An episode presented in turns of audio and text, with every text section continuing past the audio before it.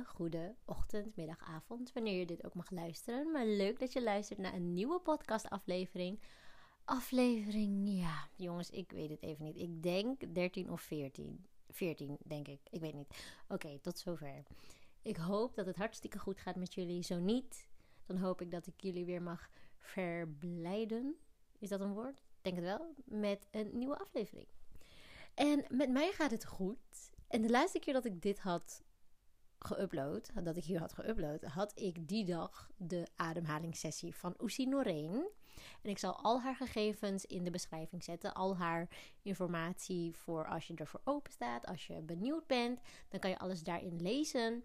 Want het kan zijn dat ik dingen een beetje apart beschrijf. Maar alles op haar site is natuurlijk veel beter dan wat ik nu ga zeggen. Maar hè, we gaan gewoon even vanuit mijn point of view. En dat is niet altijd met de juiste manier van uitleggen. Of in ieder geval, misschien spreek ik dingen niet zo goed uit. Maar ja, we gaan het even hebben daarover.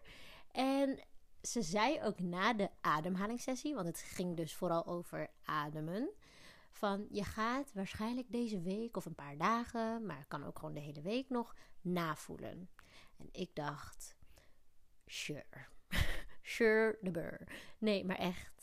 Echt. En het is nu al sowieso meer dan een week geleden. En ik voel sowieso nog steeds dat ik denk: wow, verademing, letterlijk. En ehm, wij zijn bij Oesinoreen gekomen door mijn neven. Blijkbaar, mijn neven zijn helemaal al, al jaren bezig met Healing Season. En wij worden daar niet in mee betrokken. Maar oké, prima. Wij doen het dan als nichten, doen wij het zelf wel. en zij hadden bij Oesinoreen een sessie geboekt. En het gaat dus om de Merantau sessie. Ik weet niet of ik het goed uitspreek, maar het is in ieder geval een ademhalingssessie. En de naam is Merantau, volgens mij. Oké. En zij hadden dat gedaan. En dat had ons natuurlijk als nichten ook geïnspireerd. Maar wij dachten altijd wel van, nou oké, maar wat houdt het in? En um, ja, de, de Oesie is aardig volgeboekt. Dus ja, we waren ook wel een beetje laks hoor. We dachten ook, nou, het heeft geen haast of zo, dus we zien wel. En letterlijk een jaar later hebben wij de sessie gedaan. En het is heel bijzonder, want normaal gesproken doet ze het dus ook voor individueel. Dus of één op één, of, of met twee personen. Maar eigenlijk vaker ook in groepsverband. Maar dan letterlijk gewoon mensen die zich opgeven. En dan word je als groep samengevangen. Dus eigenlijk allemaal onbekenden. Maar wat wij wel fijn vonden was het om als familie te doen. Dus we hadden mensen van de eerste generatie, nee, niet sorry, niet eerste, van de tweede generatie Molukkers, de derde, waar ik bij zit, en dan nog een paar meiden van de vierde generatie. Dus zo gingen we als, ja, we zeggen nichten, maar dus ook een tante ging mee. En ik ben dus ook weer een tante van mijn nichtjes. Dus, maar goed, in het algemeen de vrouwen van familie Polnaya ging dus ook aan de sessie meedoen.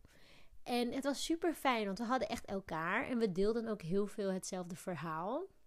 En zoals ik ook al heb verteld in de podcast van in 2021 zijn we in december onze oma verloren. De Oyang van mijn kinderen. En in dit jaar, 2023, afgelopen januari, zijn wij onze oom verloren. En dat waren best wel dicht op elkaar, zeg maar, de momenten. En het was best wel heel dichtbij natuurlijk. Het was gewoon echt Polnaya, zeg maar, wat overleed. En um, we hebben wel om ons heen overlijdenen gehad, zeg maar. Maar dit was echt wel, laat ik het zeggen, eerste rang. Als je snapt wat ik bedoel. Dus echt zeg maar zo dichtbij. En ik heb ook dan wel mijn opa verloren, maar dat was in 2007.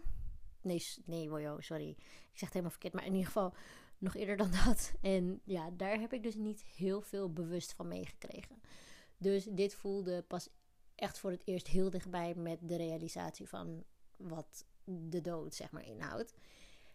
En ja, we hadden daar best wel een grote, flinke klap van gehad. En we waren allemaal daar natuurlijk van slag van.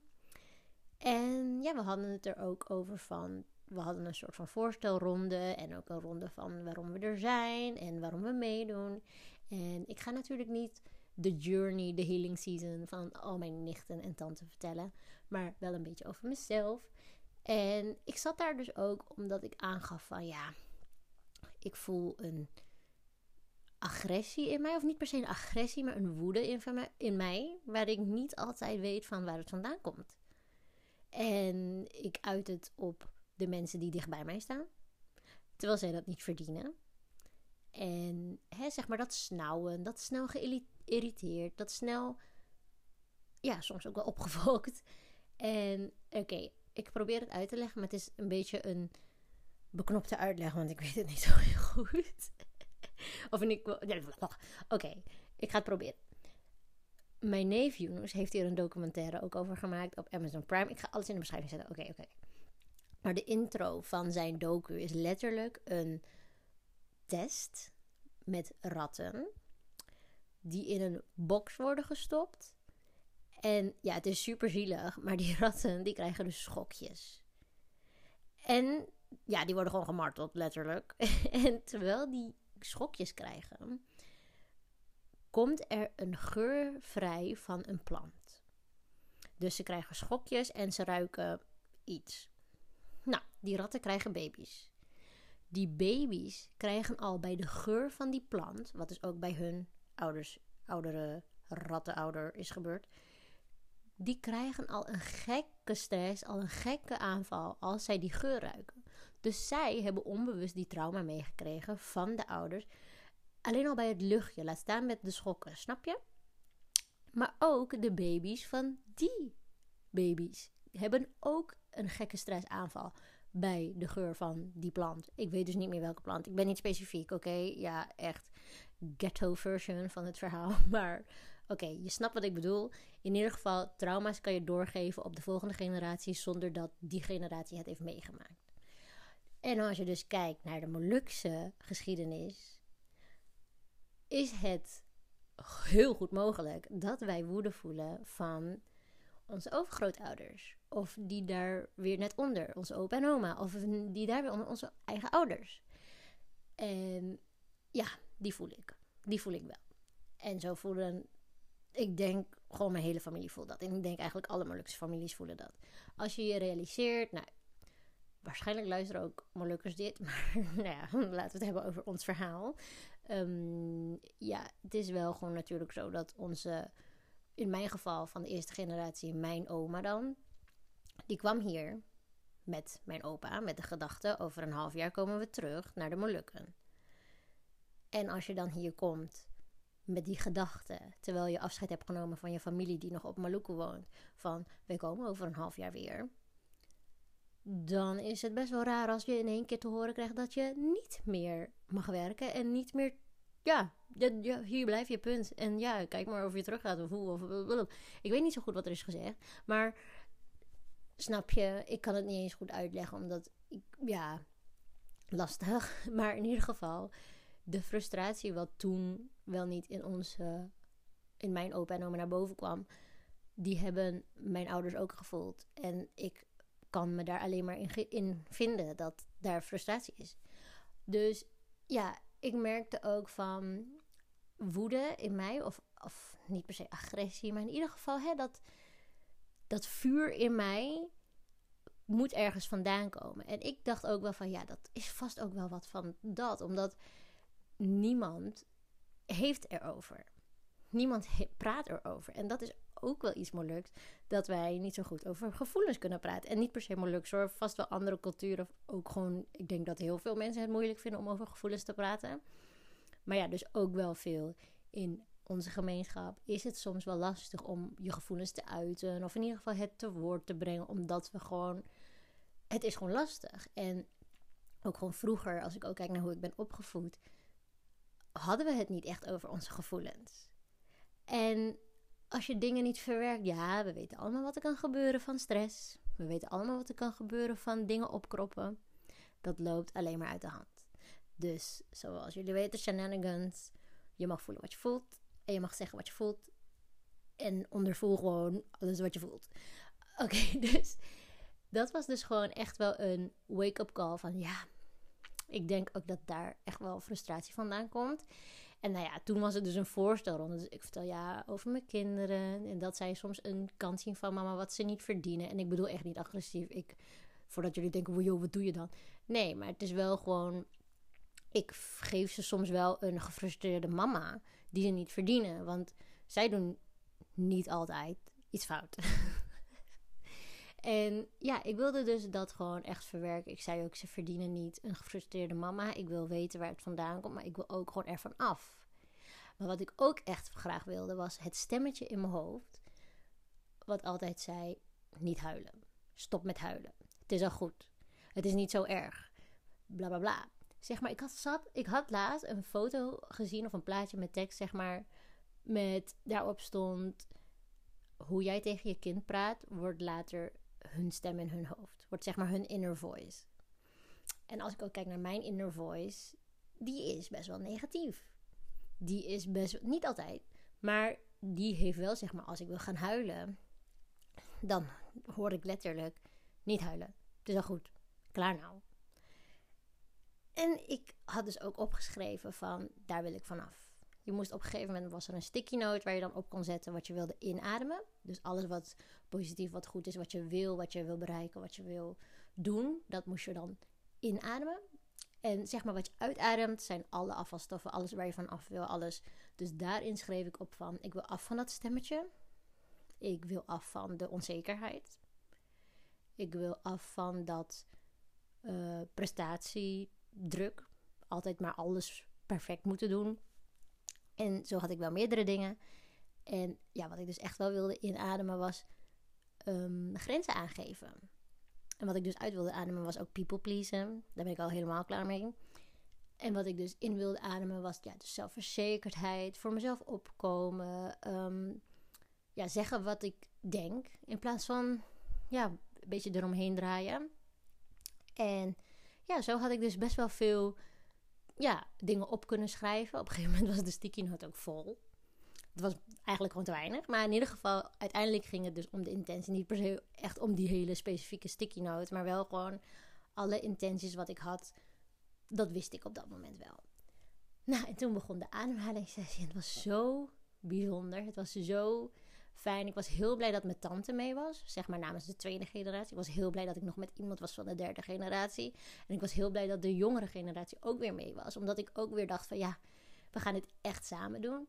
En op dat moment voel je ook gewoon, voel je je zo vrij. Je mag je lekker laten gaan. Zij echt, dit is echt een veilige omgeving. Je mag echt voelen, je mag echt huilen, je mag boos zijn, je mag schreeuwen, je mag echt laat het gaan. Want daar gaat het dus om. Laat het gaan. Want alles wat je inhoudt, dat is gewoon, ja, dat, dat, dat zit vast. Dat moet weg, dat moet eruit, want dan voel je je ook vrij. En ik weet nog, toen mijn neven deze sessie hadden gedaan en ik nog niet.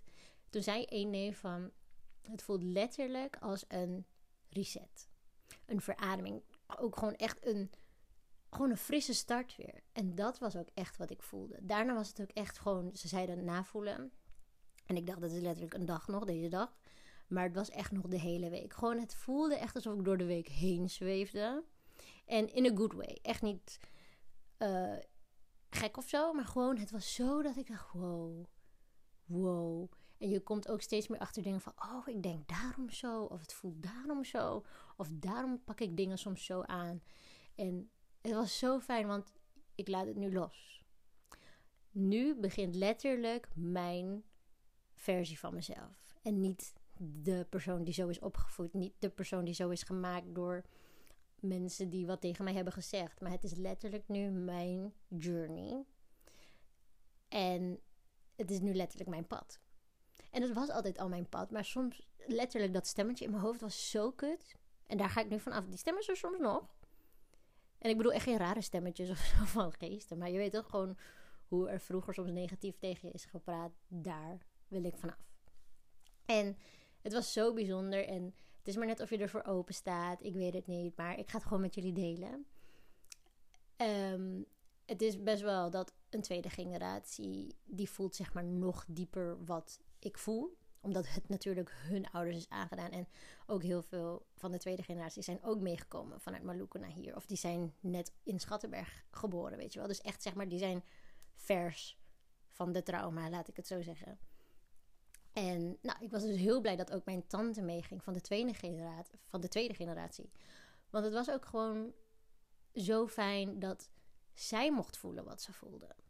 En hè, wij Molukkers kunnen best wel hard zijn. En ik vond het zo mooi om te zien dat zij ervoor open stond. En ik ga natuurlijk niet te diep in op haar persoonlijke dingen, maar ik vond het zo fijn. En het moment dat zij eindelijk een traantje mocht laten, of in ieder geval, ze mocht meerdere laten, maar in ieder geval toen zij het echt even mocht laten gaan, dat ze het liet gaan, het voelde letterlijk alsof ik zag verdriet van mijn vader, want het is dus de zus van. Oh mijn hele stem gaat trillen.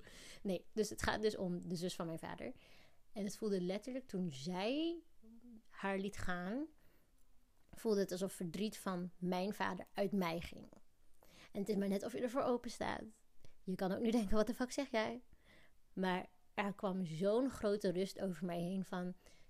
Wij hielen letterlijk voor elkaar. Mijn tante voor haar generatie, wij voor onze generatie, mijn nichtjes weer voor mijn generatie en ook mijn kinderen, want hun zijn letterlijk weer de generatie van mijn kinderen. En dat was zo bijzonder. Ik ben ook zo dankbaar. Ik had het ook echt met niemand anders willen doen dan mijn familie. Want het is letterlijk, wij dragen het samen. Wij dragen samen deze struggles of deze ondervindingen, deze drempels. En het is zo fijn dat we dit samen hebben kunnen doen. En ik ben alleen maar dankbaar. En ik ben alleen maar. Ja, ik, ik vind het zo bijzonder nog dat wij zo'n mooie band hebben mogen overhouden aan onze opa en oma die overleden zijn. Oké, en nu ga ik bijna huilen. Dus ik ga stoppen. En je mag ook huilen, maar ik heb geen zin. Oké, dat was het verhaal. Leuk dat je luisterde. En ja, healing season, jongens. We gaan, uh, we gaan snel, we gaan hard, we gaan lekker. en uh, ja, jullie horen mij weer in een volgende podcast. En ik neem jullie lekker mee in deze healing journey, want we verdienen het allemaal om onze eigen pad te volgen.